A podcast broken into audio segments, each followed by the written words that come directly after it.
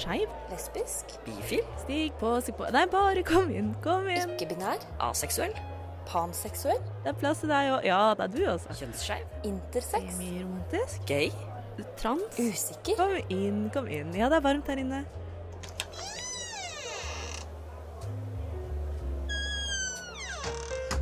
Her i lobbyen er det plass til alle sammen. Velkommen til lobbyen på Radio Nova.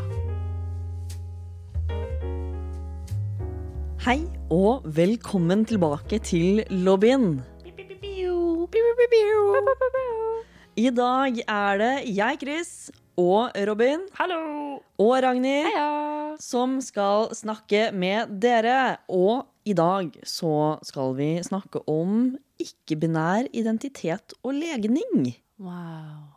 Wow. Wow, der har jo noen av oss litt erfaring. Ja, eh, jeg vil nesten kunne påstå at alle har erfaring med eh, enten å identifisere seg om eller være tiltrukket til ikke-binære. Dæsken døtte. Fuck. Det er kult. Um, forrige episode så snakket vi jo om eh, lesbisk identitet, og for å tease litt neste episode så skal vi snakke om homofil mannlig identitet. Men i dag tar vi for oss ikke-binær, og det gleder jeg meg til. Men først så vil jeg bare høre kjapt hvem dere jeg sitter her med er, og hvordan dere går med dere. Hva skjer i livet ditt, Robin? Ingenting. Ingenting. Nei da. Nei, eh, jeg, jeg lever livet, jeg. Jeg kan si hei, jeg heter Robin. Jeg er 27 år gammel. Jeg er ikke-binær og panseksuell og uh, dørgende singel, uh, som jeg føler litt på nå som det er vår og alt er så fint og flott. Ellers så eh, jobber jeg jo mye med hjemmekontor, da. Sitter inne og håper at Oslo åpner igjen. Nå driver jo Raymond Johansen og sier pene ting til oss. Eh, men vi får vente og se. Så livet mitt går litt rolig for seg. Men jeg er glad det er fint vær. Jeg er glad det er sol og stadig varmere. Og så er jeg glad for at det er mange pene folk på Tinder. Jeg tør dog ikke sende dem meldinger, men jeg er glad for at de er der. Eye candy? Eye candy. De er fine å se på. De er fine å se på. Det gjør det litt morsomt å sveipe, men jeg er dørgende lei av å sveipe. Så jeg tenker jeg, jeg venter med datinga til Oslo åpner, om man i hvert fall liksom kan sitte på kafé, eller ta en utepils, eller spise middag, eller dra på kino. Den typen liksom sånn klassisk datingopplegg. Så kan du jo slide inn i DMs-a dine. Det går alltid an å slide inn i DMs-a mine. Hva var Instagramen din? Nå måtte jeg tenke meg om. Det er at Robin Froyen. Ok, da vet lytterne det. Ja. ah. Jeg er utrolig søt og hyggelig. Men det er flott. Uh, uh, vi har jo noen andre her som er søte og hyggelige i dag. Uh, Ragnhild. Hallo! Hei, hei. Jeg er uh, Ragnhild. Jeg er en cis-skeiv kvinne, og jeg er eh, Det går ganske bra med meg, bortsett fra at jeg knekker litt sammen hver gang jeg ser en nyhet om pandemien. Men jeg holder det gående. Tut og kjøre. Vi gjør det for Aimon. Vi gjør det for Aimon og Bent. og Bent. Ja, Ja, Bent er jo til og med et medlem av lobbyen. Uh, absolutt. ikke, Ja. ikke denne lobbyen, men av den store, universelle homolobbyen. Hvis du vil komme på en episode, så hadde det vært supert. Det hadde faktisk vært helt, eh, helt konge. Tror dere han hadde satt pris på smitteverntiltakene vi har for å lage radio? Ja, ja, ja, vi er mye flinkere enn Erna. Det er faktisk sant. Det er sant. Vi har ikke samlet 14 stykk. Ikke spist sushi eller noen ting. Eller jo, jeg spiste sushi i går. Ja. Hvordan går det med deg, Chris? du, med meg så går det Nå holdt jeg på å si eh, fint, men det er en veldig norsk ting å gjøre. Eh, Det går egentlig ikke så bra, men det er bare fordi jeg er veldig stressa over den masteroppgaven jeg skriver. Um, men det går fint at det ikke går fint. Noen, noen, noen, på noen tidspunkter så eh, er det veldig vanskelig, og på andre tidspunkter eh, så glemmer jeg at jeg skriver master, og det er veldig deilig. Um, så, så sånn går dagene mine, da. Jeg er Chris. Jeg er ikke-binær, kjønnsskeiv og legningsskeiv. Så jeg er skeiv tvers igjennom. Til og med skeiv rygg. Så det, der har vi meg. Du Du Du hø hører hører på. Radio Nova. Jeg har jo uh, slitt litt med å definere uh, egentlig hva jeg er. For jeg ender jo da opp med å bare si disse store paraplykategoriene legningsskeiv, eller bare skeiv, da, og kjønnsskeiv. Um, for de av dere som hørte på episoden forrige uke om eh, den lesbiske synlighetsdagen, så hadde jeg et lite innslag om det å identifisere seg som en person som liker kvinner, og slite litt med å vite hvilket begrep man skal bruke. For jeg er jo en person som tidligere har identifisert meg som lesbisk, men som nå har funnet ut at jeg er kjønnsskeiv. Men jeg er jo fremdeles hovedsakelig tiltrukket av kvinner. Um, og det syns jeg har vært Det har bydd på utfordringer når jeg skal definere min egen seksualitet. Rett og slett fordi det er liksom ikke noen allmenne begreper for å definere hvem jeg er, da. Og hvem jeg liker. Så det, da ender jeg liksom ofte opp med å bare bruke skeiv.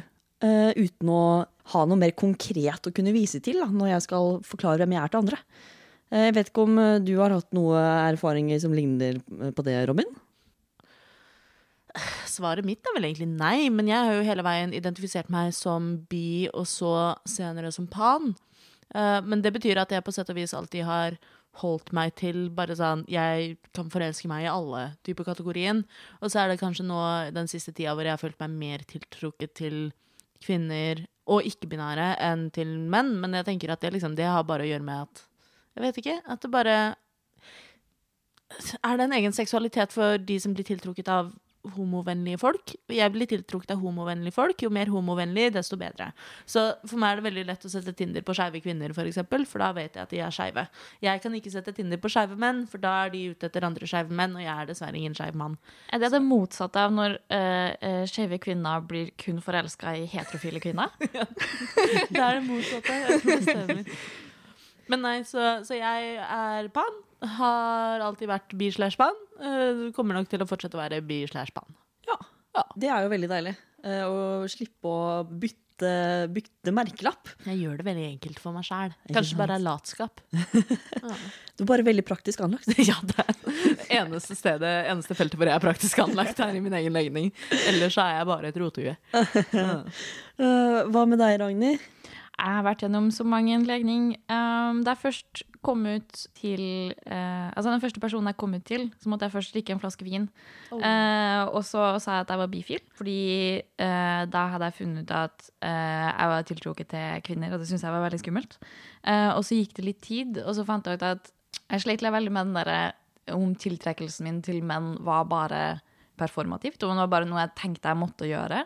Og så, eh, de som har hørt på denne podkasten tidligere, husker kanskje at jeg snakka om at jeg hadde et lesbisk eh, friår. så der koste jeg meg Der koste jeg meg mye. Veldig bra. Herregud. Men også, jeg husker, eh, Chris, vi hadde jo samtale om det eh, mens jeg fortsatt identifiserte meg som lesbisk, på piratfest. Ja. om at um, jeg identifiserte meg som lesbisk, men jeg syntes det var vanskelig å ha en identitet hvor jeg viste at jeg var inkluderende for ikke-binære. For jeg, jeg ville ikke kalle meg bifil eller panfil, for jeg var jo fortsatt ikke tiltrukket til menn, men fordi um, Fordi jeg da var hovedsakelig tiltrukket av kvinner og noen ikke-binære, men ikke alle, så syns jeg det var vanskelig liksom jeg følte at uh, hvis, jeg skulle, hvis noen spurte meg hva slags legning jeg var, så sa jeg lesbisk. Og hvis noen var interessert i å vite mer, så snakka jeg mer utdypende om det. Men etter at jeg da eh, ble sammen med en person som var ikke-binær, så måtte jeg også granske hva var det egentlig legden, legningen min innebærer. For før jeg tenkte at det var, hadde noe med en tiltrekning til noe liksom essensielt kvinnelig, men så måtte jeg innse at det hadde egentlig ikke noe med det å gjøre. Og så ja, ja. Så eh, endte, jeg, opp med, med kategorien skeiv, fordi egentlig så Altså uh, Tiltrekninga mi til andre kan være liksom så detaljert og nyansert, men i, i bunn og grunn så er det ikke så manges business. Eller sånn sånn Folk kan vite at jeg er skeiv, uh, og så har jeg kjæreste, så de trenger ikke egentlig å vite noe mer. Ja. Ja, så det er sånn jeg egentlig endte på skeiv, da. Men um, jeg, hadde jo, jeg hadde jo en god stund der hvor jeg uh, prøvde ut labelen lesbisk. Og det prata de om i forrige episode også, om hvordan eh, det kan føles rart når det liksom har vært en ting man ofte forbinder med porno og et skjellsord. Jeg husker det ble brukt som et skjellsord mot meg da jeg var yngre. Så ja. Det er mitt forhold til ordet lesbisk, i hvert fall. Ja, for det, men det det prøvde folk seg på meg også, husker jeg. At det var noen på ungdomsskolen som skrev lesbisk på pulten min. Wow. Så de, men de skrev lesbisk. Rett, rettet du på dem? Ja, så det, det, Min eneste respons var at jeg tok vedkommende til side og sa Du, det, staves med en B, faktisk. Og det var liksom Etter det så skjønte de at det, det funket ikke å mobbe meg med å kalle meg lesbisk. For jeg var liksom Men for meg så gjorde det ingenting. Um, sånn sett så har jeg vel vært Vært veldig heldig. Men nei, så for meg så uh, var det på en måte aldri tabubelagt. Men jeg har heller aldri følt meg lesbisk selv. Så jeg har aldri Jeg tror jeg aldri har følt på hvordan det er å sitte med den merkelappen og alle assosiasjonene folk har til den merkelappen. Så sånn sett så har det ikke vært så problematisk for meg, men jeg skjønner at folk kan synes det er ubehagelig, nettopp som Ragnhild sier. Fordi det er knyttet til porno, eller det er knyttet til maskuline, stereotypiske kvinner som man ikke kjenner seg igjen i, og det, liksom, det gir et bilde på hvordan en lesbisk kvinne skal være, som ikke nødvendigvis alltid folk kjenner seg igjen i. Men da er det kanskje bare bra, da, at flere bruker merkelappen lesbisk åpent, og viser at lesbisk kan være så mangt. Absolutt. Og det var veldig viktig for meg når jeg identifiserte meg som lesbisk, at uh, jeg ville ta det tilbake. Um, for, nettopp fordi det har blitt brukt som et skjellsord mot meg. Ja. Enn du, Chris? Jeg var jo i mine første 20 leveår. Ja, ja, i, I syv av de så trodde jeg at jeg var en kvinne som likte kvinner. Og um, nå husker jeg jo ikke faktisk Det er- begynner å bli en stund siden. Så jeg husker ikke liksom, i hvor stor grad jeg faktisk brukte ordet lesbisk selv. Uh, jeg følte meg ikke så veldig komfortabel med det, men det var en beskrivende kategori som på en måte folk forsto hva som var greia. Um, så det var greit at liksom det- Jeg likte at de kunne forstå hvem jeg var ute etter sånn seksuelt. hvem jeg var tiltrukket av. Hvem jeg var ute etter.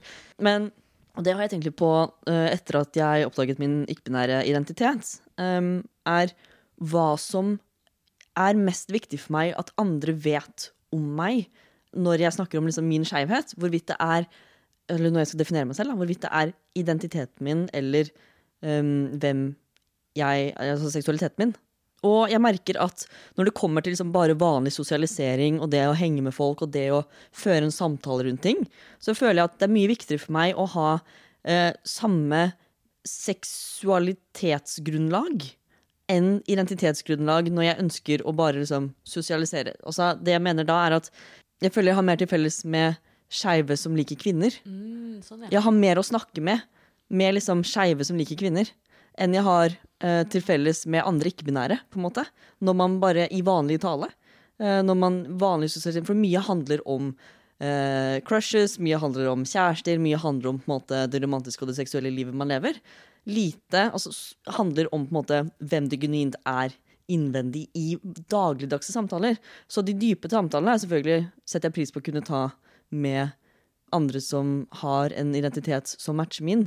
Men når det kommer til liksom det å bare sosialisere og henge, så føler jeg mye mer tilhørighet til andre skeive som liker kvinner. Om det gir mening. Ja. Da lurer jeg også på, for du, Chris, har vel vært i en unik situasjon et par ganger hvor du har blitt lest som en mann som liker kvinner? Ja! Har du lyst til å si litt om det? Har jeg lov til å spørre? Ja. Da, da kasta jeg bare det på deg, men sånn, jeg vet jo at det er en opplevelse du En helt sånn unik erfaring du har. Ja.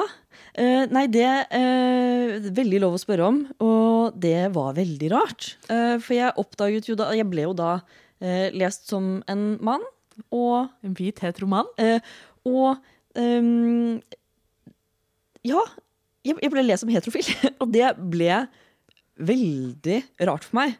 Uh, en fordi min skeive identitet forsvant, og fordi det å snakke om sine jentecrushes eh, som en heterofil mann er noe veldig annet enn når du er en uh, skeiv kvinne eller en ikke-binær person. Fordi eh, når du er en heterofil mann som liker kvinner, så er det på en måte det er det som er forventet av deg. Det er eh, samfunnets standard. Um, det er ikke noe um, vanskelig altså, det, Jeg skal ikke si at det ikke er vanskelig å være heterofil mann, men det er mye som er vanskeligere for andre som har en annen identitet enn heterofil mann. Så det å kunne ha den felles forståelsen for at liksom, man har den skeive opplevelsen, Ja. um, er veldig viktig for meg. Uh, både i samtale og liksom, følelsen av tilhørighet. Da. Så det er ikke nok for meg å bare kunne connecte med andre som liker kvinner. Det må være andre skeive som har den der følelsen av å enten ikke eh, innfri samfunnets forventninger, families forventninger, egne forventninger, men det å måtte ta stilling til sin egen seksualitet eller identitet som en minoritet fra eh, samfunnet. Da. Ja, nå når du jo på en måte inn til kjernen av hele, hele det skeive miljøet, også hvorfor sånn vi har bestemt oss for å skape lobbyen, f.eks. Det handler jo ikke så mye om um, hvem du liker, og hva du identifiserer deg som, så mye som at det handler om at man er sammen om den skeive opplevelsen, og hva den skeive opplevelsen kan innebære for ulike. Uh, ja, litt sånn som jeg sa også med min legning, at jeg tiltrekkes mer av de som er homovennlige, på en måte. Altså, det, det, er det samme som det du sier, bare at du sier det bedre enn meg. Men at det, det, er en trygghet i å vite at man har vært gjennom en selvransakelse og en identitetsreise, og at det er en erfaring man deler. Jeg føler man stiller seg sterkere i um, Man kjenner seg selv bedre, og man har blitt tvunget til å bli kjent med samfunnet ja. på en måte som en heterofil, cis, hvit person ikke uh, må bli kjent med samfunnet på. Mm. Så det er viktig for meg, da. Både i, i partnere. Uh, men også i, i bekjentskaper. Eh, det er der jeg kan finne liksom, trygghet og samhold og tilhørighet. Eh, og Derfor er det veldig viktig for meg å bevare den skeive identiteten min. Noe som jeg trodde ikke var så viktig i starten. Men da jeg mistet det, mm. da jeg ble lest som en heterofil mann, så merket jeg hvor viktig det er for min trivsel. Der kjenner jeg meg igjen, for jeg også har ofte blitt lest som heterofil kvinne. Senest for bare noen år siden, da jeg var på utveksling og var sammen med da hadde jeg en partner som var transmann. Uh, og jeg var ute som ikke-binær, men det var likevel mange som ikke leste meg som ikke-binær. Og da var det helt absurd for meg å både være en som er tildelt kvinne ved fødselen, som var sammen med en annen som er tildelt kvinne ved fødselen, hvor jeg er ikke-binær, han var transmann, og likevel trodde folk at vi begge var cis og hetero. Altså det var sånn, Vi, vi var det skeiveste paret du kan se for deg, men likevel så var det mange som trodde vi var cis og hetero. If that makes sense. Og det var en så absurd opplevelse å føle den skeivheten min bli viska ut på den måten. Mm -hmm. Um, så det er noe det er noe med det. Det går liksom full circle noen ganger. Ja, ja. Nei, det er helt, uh, helt vilt.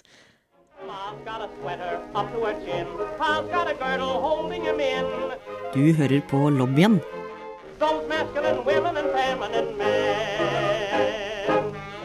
På Radio Nova.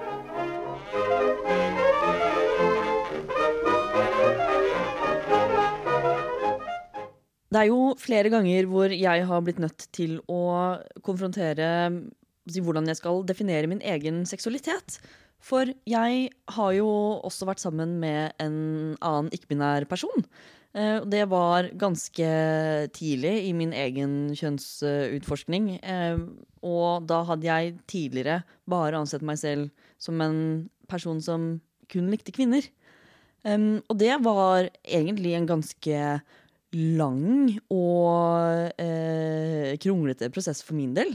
Og for det første venne meg til ikke-minære identiteter.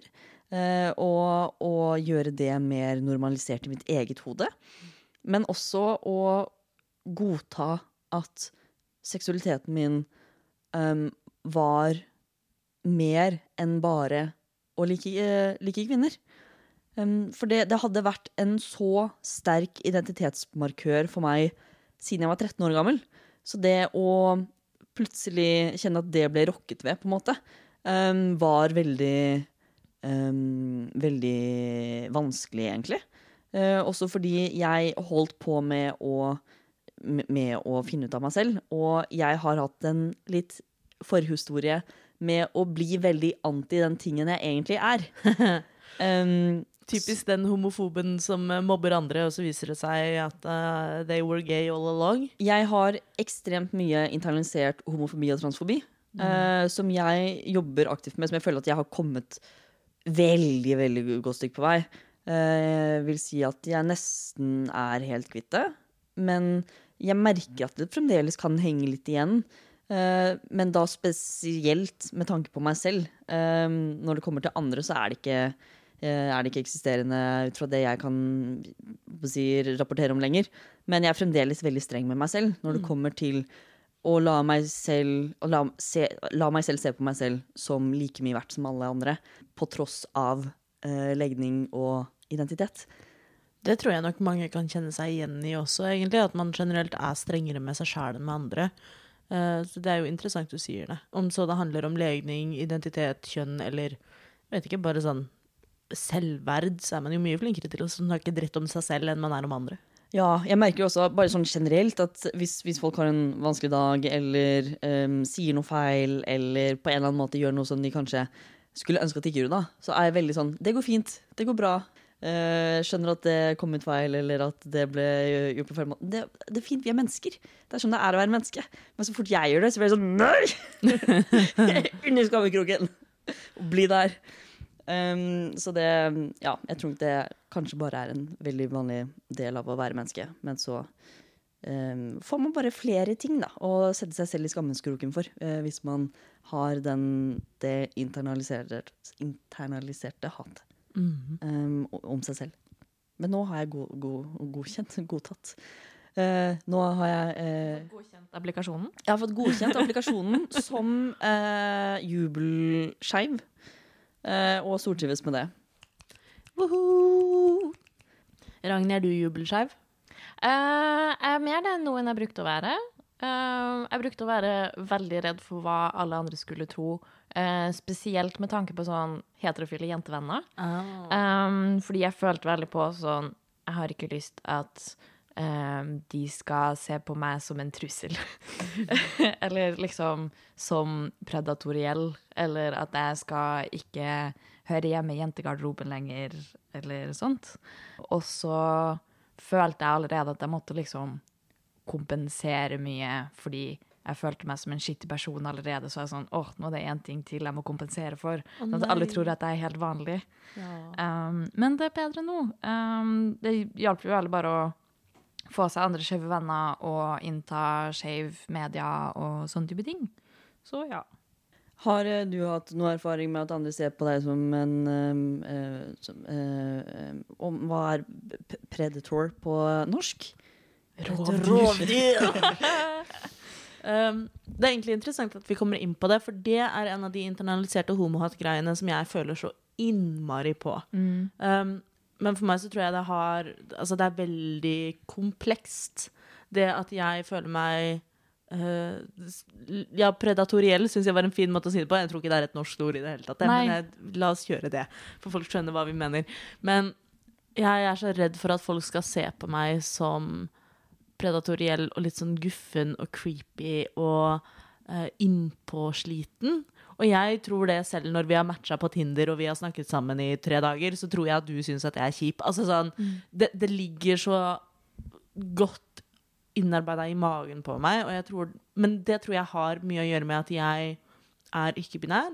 Og jeg er ganske maskulin, i tillegg til at jeg er litt lubben. Og det er liksom jeg jobber med at det er noe jeg tåler med meg selv. Men sånn, det er så mye der som ligger og ulmer og er sånn Ja, men du er, du er ikke en pen lesbisk jente.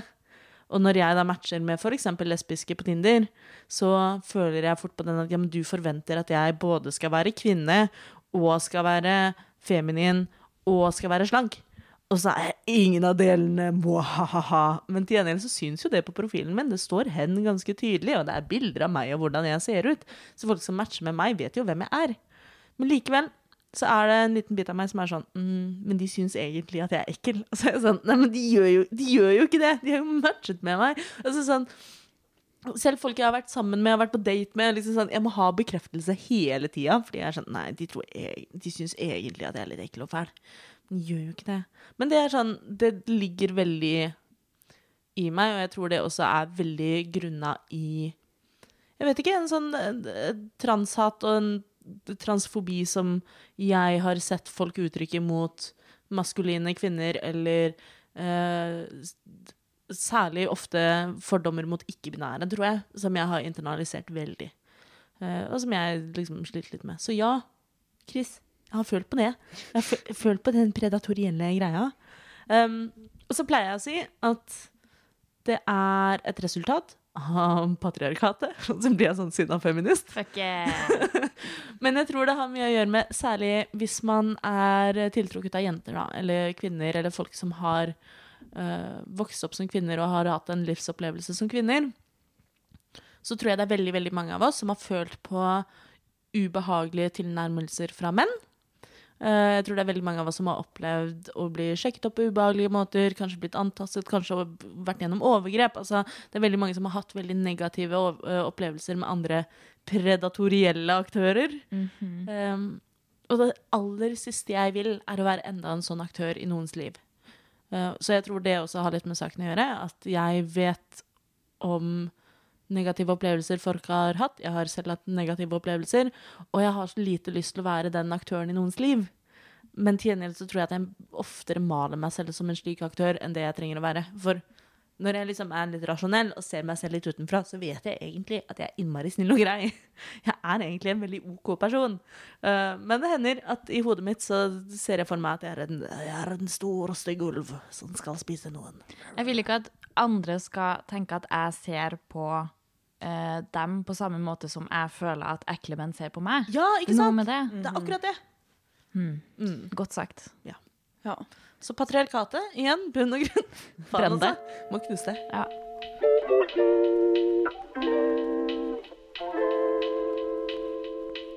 Okay, listen up. This is for the girls and the gays and the theys. So if you're not a girl or gay or they, keep scrolling. I'll wait. Okay, now that you're here, I hope you guys have a good day. Velkommen til lobbyen på Radio Nova. Robin, du var jo inne på dette om å date skeive kvinner, og kanskje spesifikt lesbiske, på Tinder. Ja. Eh, og du som er ikke-binær, hvordan er den opplevelsen? Det er egentlig ganske interessant. Um, og da, jeg går jo med jevne mellomrom eh, løs på liksom tordentaler og tirader om eh, Tinders algoritme. Altså Kunne jeg valgt, så hadde jeg stått på Tinder som ikke-binær. Men det går ikke på Tinder. Du må velge at du enten skal synes som kvinne eller som mann. Så med det som grunnlag så har jeg valgt å synes som kvinne. Eh, og synes Eller jeg vil bare matche med andre som også synes som kvinner. Eh, og det er algoritmen, og sånn er det. Men det gjør jo også at jeg da matcher ofte med lesbiske kvinner. Og jeg merker at for meg er det helt i orden å date noen som anser seg selv som lesbisk, eh, hvis de syns det er greit å date meg. Altså Hvis det, de da har lyst til å, å redefinere sin egen seksualitet, litt sånn som du, Ragnhild, har gjort, så er det, det er ikke noe i veien for meg. Det er jo egentlig bare bekreftelse på min identitet, på en måte. Men også hvis de har lyst til å beholde den lesbiske identiteten, så merker jeg at det heller ikke gjør meg sånn kjempemye. Jeg øhm, tenker jo litt sånn på Egentlig litt sånn på grunn av min egen seksualitet, og at den ikke nødvendigvis er så lett å definere som jeg liker å gi uttrykk for. Øhm, for jeg det er hovedsakelig kvinner, men så har det vært øh, Jeg har vært i forhold med en ikke-binær, og så har det vært liksom the occasional én eller to menn som jeg faktisk liksom har fått noe som helst sånn følelse for. Og jeg har vært i sånn Her, dette, er dette en greie? Um, og, um, men allikevel så føler jeg på en måte at hvis jeg hadde vært Hvis jeg hadde vært kvinne, så tror jeg at lesbisk fremdeles hadde vært en god term, fordi det er det som er hovedtendensen. Og liksom, det er så mye ved det sosiale rundt det, ved liksom um, det, det, det strukturelle rundt måte, det å være lesbisk, og hva det innebærer i hvem man liksom, sosialiserer med, hvordan samtalene går, som resonnerer så mye med meg, uh, at uh, sånn lesbisk som en på en måte overterm, men eh, at det ikke er exclusively, altså utelukkende kvinner, da. Men det, det, det handler på en måte om hvordan man forstår begrepene. Og når man er inne i skeive miljøer og snakker veldig mye med eh, andre skeive, har mange skeive opplevelser, kanskje utforsker sin egen kjønn og seksualitet og sånn, spesielt kjønn, så begynner disse definisjonene å miste litt mening til slutt. Det er ikke så viktig viktig å liksom ha svart-hvitt, firkanta bokser. Det er liksom, Du finner et begrep som passer deg ish, og så er det godt nok.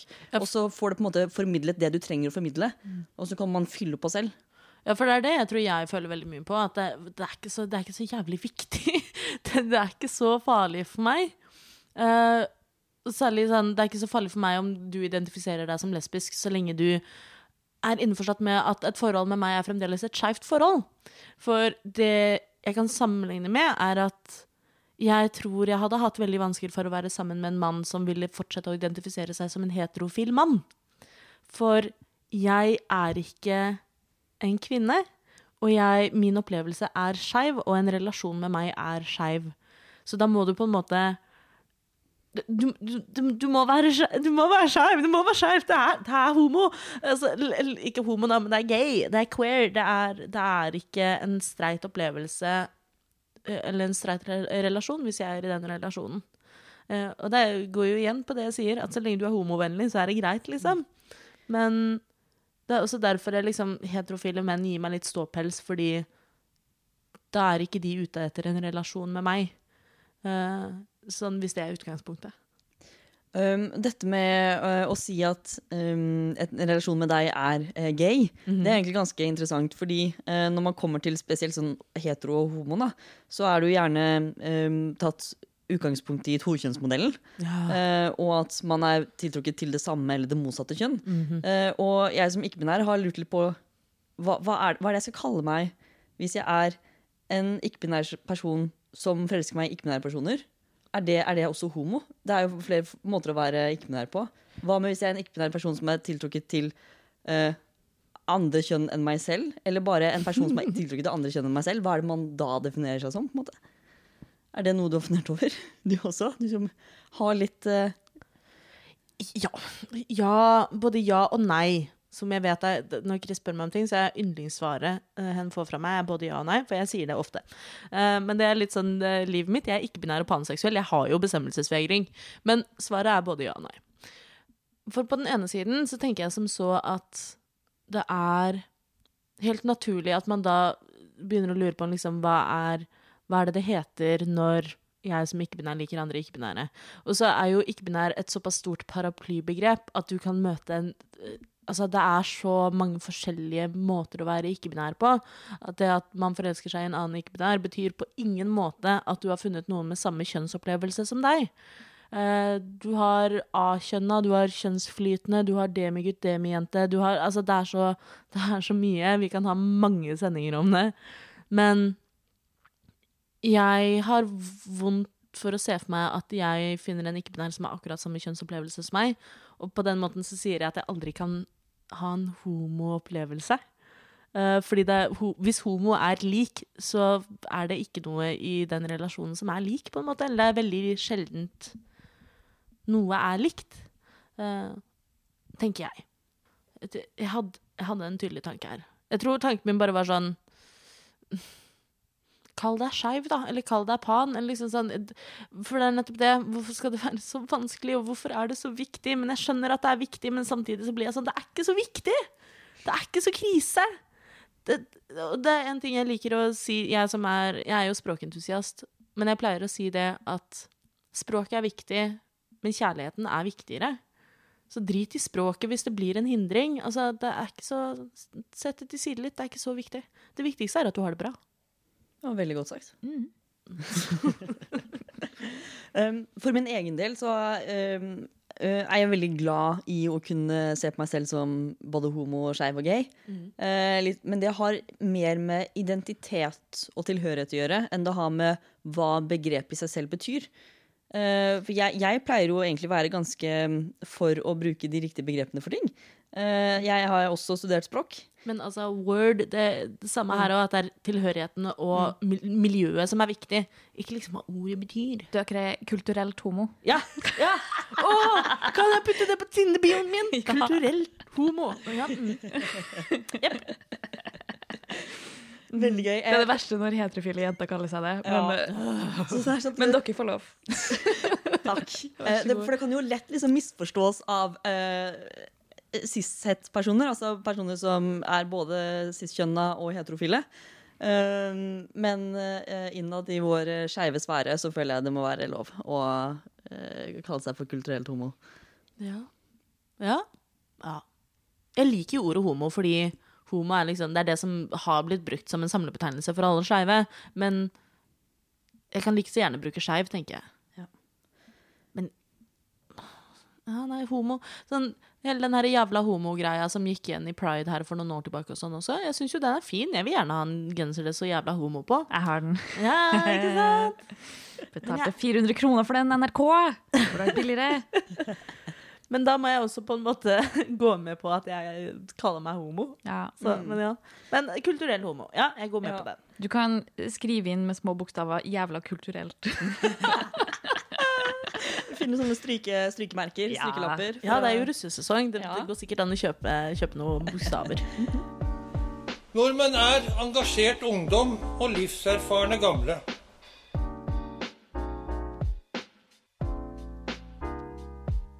Nordmenn er jenter som er glad i jenter, gutter som er glad i gutter.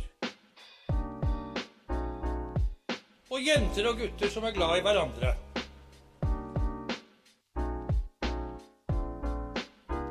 Velkommen til lobbyen på Radio Nova. Nei, eh, jeg, jeg er jo egentlig veldig komfortabel med, med skeiv, og det er på en måte der jeg har landa. Etter liksom mye om og men, og liksom prøve å finne ut måte, hva som definerer meg. Eh, og jeg har skjønt at det, det blir så mye leting etter å finne begreper som skal liksom passe akkurat min nisje innenfor uh, identitet og seksualitet. Eh, det er for det første vanskelig i seg selv å finne. To, enda vanskeligere å finne noen andre som skjønner hva du mener når du sier begrepet. Ja, Det er nettopp det. Åh, det er en av mine store pet peeves er folk som mener at ja, men du kan ikke kalle deg det og det, du må kalle deg denne lille rare tingen ingen har hørt om noensinne. Så jeg har ikke noe lyst til det. Da mister det, da mister det betydningen sin. Det, det mister liksom bru, brukbarheten sin. Ja, og så mister det også den fellesskapsfølelsen. Du blir stående Definitivt. helt aleine i et sånt supernisjebegrep. Altså, nei, jeg vil ikke det. Da vil jeg heller liksom kunne relatere til andre som også føler seg som skeive, eller andre som er skeive og liker jenter. Sånn, det, det gir meg mye mer. Um, uh, men Ragnhild, du har jo også landa på, eller iallfall bruker nå, begrepet skeiv. Um, er det, uh, tror du at du lander der, eller er du liksom fremdeles på søken? Uh, jeg tror akkurat som det er nå, så bare eh, bryr jeg meg ikke så mye i å liksom skulle ja, jeg, jeg tenker sånn Jeg har brukt mye tid før på å tenke mye på akkurat liksom hvordan jeg skal beskrive uh, legningen min, og uten at det egentlig var noe særlig produktivt. Og jeg har jo også liksom sett på sånn små mikroidentiteter, men de gir meg ikke noe, på en måte. Og det gir ikke andre noe heller. Um, og for alle, altså, folk skal få bruke de identitetene de vil, men jeg føler det bare gjør alt mye mer diffust uh, og vanskeligere å forstå. Um, så jeg, jeg syns det er fint at skjevt kan romme så mye. Uh, og uh, ja, Robin? Å ja, nei, det var ikke meningen å avbryte. Oh, ja, nei, nei, jeg Bare tegnet meg på ordlista. Oh, ja, sorry. Aller først så syns jeg det er fint at du liksom nevner mikroidentiteter. Så Hvis vi skal definere alle disse små nisjeordene samlet under én ting, så kaller vi det mikroidentiteter. Bare sånn, sånn at man vet hva vi mener. Og samtidig så vil jeg også bare presisere at jeg skjønner godt de som aktivt har lyst til å bruke mikroidentiteter, og som syns de er veldig viktige, og som hjelper dem veldig mye. Og det respekterer jeg, for jeg skjønner at hvis du sitter og føler deg annerledes, og du klarer ikke å sette fingeren på hva det er, og hvordan du føler deg, og så plutselig så dukker det opp et ord, og du bare er sånn Dette er meg! Dette er meg! Denne lille, rare nisjetingen har et ord, og det kan jeg bruke, og det kan jeg skrike fra alle fjelltopper. Så tenker jeg at det er jo helt supert. Da må du jo bare gjøre det. Ja, for det, er jo noe helt fantastisk med den aha-opplevelsen du kjenner når du liksom klarer å kjenne deg igjen i noe. At liksom, du plutselig ser representasjonen du har lett etter, eller du eh, finner noe som, ja, som snakker til deg. Da. Så det er veldig, veldig forståelig. Men samtidig så er jeg eh, også for så vidt enig med det du sier, Ragnhild. Og det er også derfor jeg eksempelvis da kan si at jeg sier alltid at jeg er ikke-binær, men jeg vet også med meg selv at jeg er A-kjønnet, og det er den typen ikke-binære jeg er. Men det er veldig veldig sjeldent jeg går inn i et rom og sier 'hei, jeg heter Robin, jeg er A-kjønna'. For det er det veldig mange færre som forstår. Så derfor så bruker jeg heller paraplyterminologien ikke-binær, og så kan jeg heller utbrodere på at jo, men den typen ikke-binær jeg er, er at jeg er A-kjønnet. Jeg føler et fravær av kjønn. Men det er ikke den viktige biten, men det er viktig for meg at jeg vet det. Og jeg tenker at det kanskje er det som går igjen for sånn eh, mikroidentiteter, da, er at så lenge man kan si 'jeg er skeiv', men så vet du innad i skeivheten at jeg er lesbisk, eller jeg er bifil, eller jeg er panseksuell, eller jeg er eh, denne ene rare tingen som betyr at jeg kun er tiltrukket av eh, kvinner med store hender. Altså sånn, jeg vet ikke. Men sånn Det kommer jo også helt an på kontekst, føler jeg, hvor mye informasjon som er viktig at andre vet. Sånn, sånn, hvis hvis eh, du da snakker med noen som kanskje ikke er så kjent med, med forskjellige typer kjønnsidentiteter, så bruker du kanskje ikke-binær, men hvis du da eh, snakker med andre ikke-binære om kjønn, så er det selvfølgelig nyttig å kunne ha ord som beskriver de, eh, de opplevelsene bedre. Det er et veldig godt poeng. Men eh, når jeg og Robin snakker om kjønn, eh, så For Robin, du bruker jo ikke-binær eh, mye når du si, bare snakker om deg generelt. Ute i verden. Ut i verden. Ja, ja, ja. Eh, jeg har ikke eh, utforsket noe mer hvilken på en måte mikroidentitet jeg har innenfor den ikke-binære paraplyen. Jeg er heller ikke så veldig glad i å bruke ikke-binær heller. Jeg bruker heller kjønnsskeiv. Um, litt sånn fordi jeg liker at Jeg er veldig glad i ordet skeiv. eh, og jeg har veldig tilhørighet til det. Og jeg liker at man kan kalle det skeiv og kjønnsskeiv. Og at min kjønnsopplevelse ikke defineres ut fra hva det ikke er. Men da går det også an å være litt sånn tricky på det. Sånn, for jeg vet at den engelske genderqueer, som kjønnsskeiv er en direkte oversettelse av, mange regner genderqueer igjen som en mikroidentitet. Under ikke-binær-paraplyen. Mm. Så det er litt sånn, ja, det kommer litt an på hvordan man ser på det. Jeg liker veldig godt å bruke kjønnsskeiv øh, som en god norsk oversettelse parallelt med ikke-binær. Det gjør jeg også. Men jeg tenker at hvis man har lyst til å bruke det som en mikroidentitet, så who's stopping you? Jeg Bare kjør på. Det som passer best for en selv, er det som passer best for en selv. Men når det er sagt, så kan man også bruke det som en paraply. Altså sånn, Jeg sier ikke at du må Nå er dette mikroidentiteten din, Chris. Vær så god. Det er ikke det jeg sier. Um, men jeg sier at det går an, da. Jeg har lyst til å definere identiteten min selv, takk. ja, ikke sant? Det var, det var ikke meningen, det var ikke sånn ment. Nei, jeg vet det. Jeg, sier bare at det går an å ha det som mikroidentiteten i utgangspunktet. Ja, definitivt. definitivt. Uh, for min egen del så jeg, jeg har nok Jeg har en del tanker om hvordan jeg opplever mitt eget kjønn. Men jeg merker at jeg har ikke mental kapasitet til å sette meg inn i hva det egentlig går ut på. Jeg merker at iallfall der jeg er nå, så spiller det egentlig ikke noen rolle heller. Jeg føler på den, jeg òg. Jeg har ikke noe behov for det, egentlig. Men jeg tror det er jo litt sånn Jeg tror det er fordi jeg har hatt en så uh, mangeårig uh, skeiv reise at jeg liksom Jeg er så uh, bevandret og litt sånn uh, Jeg har utforska så mye, da, at nå det spiller ikke så mye rolle lenger hva det er for noe, men når man driver og utforsker egen identitet og seksualitet for første gang, eller eh, ikke nødvendigvis første gang, men man føler ikke at man har landa helt, så er man på en måte på søken etter det å finne det riktige, da, for å føle ja, litt den med tilhørigheten og sånn. da. Men eh, når man kommer liksom et stykke ned veien Jeg er tolv år med skeiv nå. Vitende skeiv. Eh, så er det litt sånn jeg har, jeg har funnet de hovedkategoriene hvor jeg klarer meg eh, godt innenfor. Jeg har kjæreste, det er ikke så viktig å på en måte definere meg i forhold til noen andre. Det viktigste sånn som du sa, Ragnhild, det viktigste er at de vet at jeg er skeiv. Mm. Og hvis du kler deg godt nok, så vet du det uansett. Ikke sant? uh, og så- og så kan man ha det til felles. Så kan man ha den, uh, den felles forståelsen for hverandre. Og det er det jeg trenger. Radio Nova. Jeg har bare tenkt litt på For det er en del ikke-binære som uh, går gjennom en sånn identitetsreise, litt som du har snakket om, Chris. Uh, og som vi for så vidt har vært gjennom alle tre, vi som sitter her, og, og sikkert mange andre også. Men særlig de som kommer ut som ikke-binære etter en slik identitetsreise. Men som velger å beholde merkelapper som f.eks. lesbisk eller homo. Og det tenker jeg at det, det er viktig å nevne at det også er noe som ikke er rent uvanlig, og som jeg også på sett og vis har en veldig stor forståelse for. For si at man kom ut som lesbisk som tolvåring, f.eks., og så går du gjennom en identitetsreise bl.a. på kjønnsidentitet, og kommer ut som ikke-binær på andre sida. Men så store deler av livet ditt og den skeive identiteten din er forankra i det at du var lesbisk. Og seksualiteten din er jo fremdeles den samme, eksempel, at du fremdeles er tiltrukket av kvinner, og det er det eneste du er tiltrukket av. så er det ingenting i veien, tenker jeg, for at man ønsker å beholde merkelappen lesbisk. Eller homo. Hvis du først kom ut som homofil gutt og ble tatt imot av et homofilt miljø og kjente deg veldig igjen og følte deg veldig hjemme og fikk en familiefølelse der, så er det ingen som tvinger deg til å legge fra deg den merkelappen, tenker jeg. Eh, Så jeg vil egentlig bare legge til det. At det liksom, du finner lesbiske og homofile ikke-binære, og det tenker jeg at det er helt greit. Eh, og da igjen så er det liksom språklig sett kanskje ikke helt korrekt. Men fuck det. Språk er viktig, men kjærlighet er viktigere.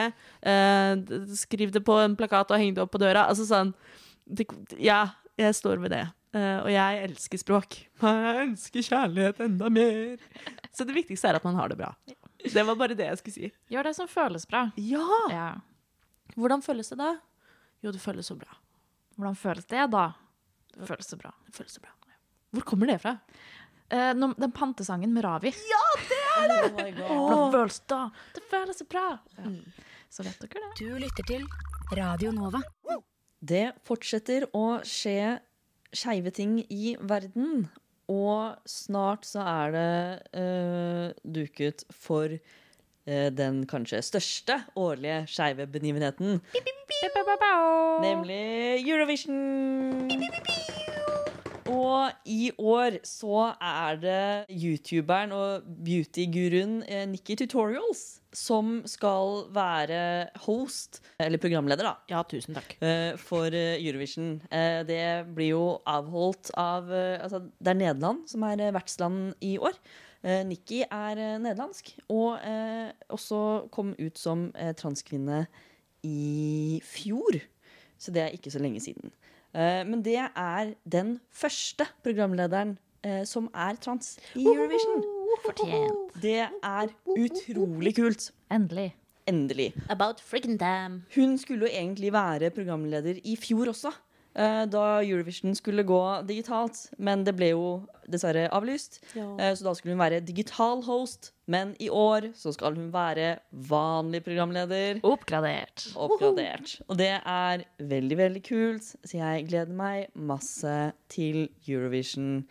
Ragnhild, du har en nyhet. Ja, for uh, Caitlyn Jenner har bestemt seg for at uh, hun har lyst til å bli guvernør i California. Eh, som eh, republikaner. Eh, For de som ikke husker eller kjenner igjen navnet, hvem er Caitlyn Jenner? Caitlyn Jenner er kona til Chris Jenner. eh, en transkvinne eh, som kom ut eh, og var på cover av Time som første transperson, tror jeg. eller noe sånt. Eh, men hun er jo også da veldig konservativ eh, og støtta Trump i 2016. Eh, og California har jo vært en historisk blå stat, så man får litt sånn Prøvde jo å vinne over California med å være sånn nå har vi en transperson, du må jo stemme på en transperson. Så det er ganske skittig, så hun sier liksom sånn For too long, career politicians have overpromised and underdelivered. We need a leader with a vision resolved to see through. Og hun vil altså da ha solutions og a roadmap back to prosperity to turn the state around. Dessverre. Så eh, Lukter, lukter maga lang vei. ja, ikke sant. Og hun har jo tidligere eh, gått bort fra endorsementen sin av Trump, men eh, hun er jo fortsatt eh, ikke den jeg har lyst til å ha styre politikken i California. Nei, det Finn en annen hobby, Caitlin. Ja. Jeg har hørt på musikk. Ja, Robin. Det er, eh, vi, vi har jo nyheter eh, ikke så langveis unna. Eh, ja, vi i lobbyen har jo gledet oss veldig til eh, denne, dette plateslippet som skjedde nå på fredag. Så jeg har hørt på den nye plata til Girl in Red, og dette er hva jeg tenkte om den.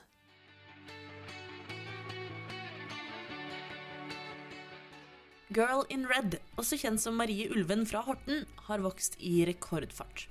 22-åringen har blitt et skeivt ikon i verdensklasse. Do you listen to Girl in Red er ensbetydende med å spørre liker du jenter. Med produsent Finnis Baird O'Connell, altså broren og produsenten til Billie Eilish, på laget, har Girl in Red mekka sitt aller første fulle album. Plata If I Could Make It Go Quiet består av elleve låter. Tekstene er personlige, og det er tydelig at Girl in Red serverer biter av sjela si på et sølvfat. Plata starter sterkt. Dessverre så syns jeg at den taper seg litt utover. Enda noen av de nye låtene er skikkelig sterke, er det andre som glir helt under radaren min. Plata som helhet bærer preg av en chill surf grunge-vib som sikkert kan falle godt i smak hos mange. Men Jeg merker at jeg savner råskapen fra tidligere. Jeg sitter igjen og savner å ha lyst til å hoppe og synge med og være gira. Det er interessant å høre hvordan Girl in Red har utvikla seg og fått rom til å leke med høy produksjonsverdi. Det er tydelig at det ligger mye tid og arbeid i albumet, men enkelte spor føles rett og slett overprodusert.